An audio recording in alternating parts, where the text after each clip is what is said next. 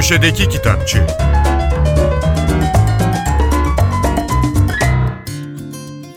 Merhaba, ben Adnan Bostancıoğlu.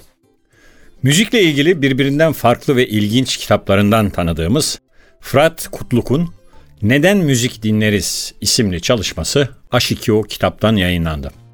Profesör Doktor Fırat Kutluk halen 9 Eylül Üniversitesi Güzel Sanatlar Fakültesi Müzik Bilimleri bölümünde öğretim üyeliği yapmakta. Kutluğun daha önce yayımlanmış kitaplarını hatırlayalım.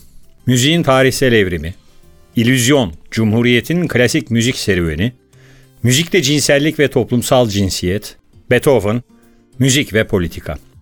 Bugün bahsini ettiğimiz neden müzik dinliyoruz da Profesör Kutluğun temel sorusu müziği dinliyor muyuz, tüketiyor muyuz?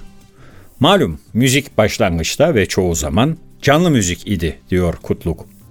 Kayıt teknolojilerinin gelişmesiyle önce evlere, sonra yollara, sokaklara, nihayet asansör ve mağazalara, kısaca gündelik yaşamın her anına ve dokusuna sızdı.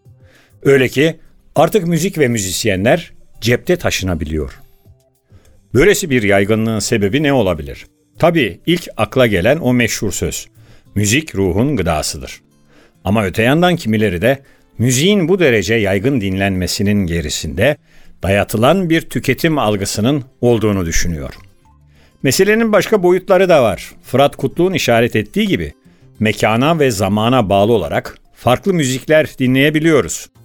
Yemekte başka, arabada başka, gençken başka, yaş aldıkça başka müzikler. Kitapta tartışılan konulardan biri de bu. Müzik beğenimiz değişiyor ama nasıl? Ya da konunun şu yanı. Batı klasik müziğini dinlemenin eğitimi, kültürel birikimi ya da yüksek sınıftan olmayı gerektirdiği düşünülür ama salgındaki kapatmalar sırasında gördük ki bütün İtalya opera aryalarını balkonlardan dinliyordu. Eğitim, kültür, sınıf ve benzeri müziğin kalitesinin ölçüsü olarak alındığında herhangi bir müziği beğenmek, sevmek, seçmek mümkün müdür? Bütün bu konulara ilgi duyanlar için Profesör Doktor Fırat Kutluğ'un Neden Müzik Dinleriz isimli kitabı son derece ufuk açıcı.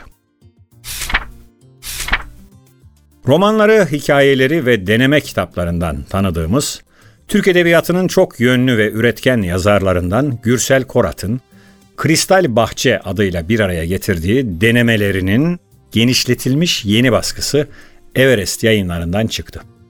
Gürsel Korat 1960 Kayseri doğumlu. Ankara Üniversitesi mezunu. Yarın Edebiyat Dostları, Edebiyat ve Eleştiri gibi dergilerde yazdığı yayın çalışmalarına katıldı. Senaryo yazarlığı, felsefe öğretmenliği ve serbest gazetecilik yaptı. Marmara Üniversitesi, Gazi Üniversitesi ve Kadir Has Üniversitesi'nde dersler veren yazar, halen Ankara Hacı Bayram Veli Üniversitesi İletişim Fakültesi'nde öğretim görevlisi.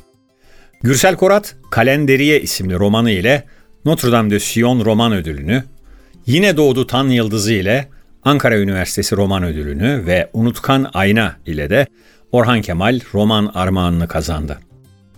Gürsel Korat Kristal Bahçe'de bir roman ve öykü yazarı olarak edebiyatı ve edebiyatçıyı sorguluyor. Deneme ve eleştirinin iç içe geçtiği kitap, pek çok roman ve öyküyü, bunların yazarlarını, edebi kavramları, sanat kavramlarını, okuru da işin içine katarak tartışıyor. Kendisini bir yazar olarak merceğin altına koymaktan geri durmayan Korat'ın kitabı, yeni maddeler ve monogramlarla zenginleştirilmiş bu yeni baskıda. Ömer Obuz'un Osmanlı'dan erken cumhuriyete Hayvan Katliamları ve Himaye isimli çalışması iletişim yayınlarından çıktı. Kitabın alt başlığı Kediler, Köpekler, Kargalar. Obuz'un bu ilginç çalışması 2. Mahmut döneminden erken cumhuriyet dönemine kadar ele aldığı süreçte arıza olarak görülerek medeniliğe aykırı olduğu gerekçesiyle damgalanıp bir imha politikasına tabi tutulan kedi, köpek ve kargaların izini sürüyor. Bu izi sürerken esasen hayvanların Osmanlı toplumunun daha önceki dönemlerinde ne kadar değerli kabul edilip himaye edildiklerine de eğiliyor.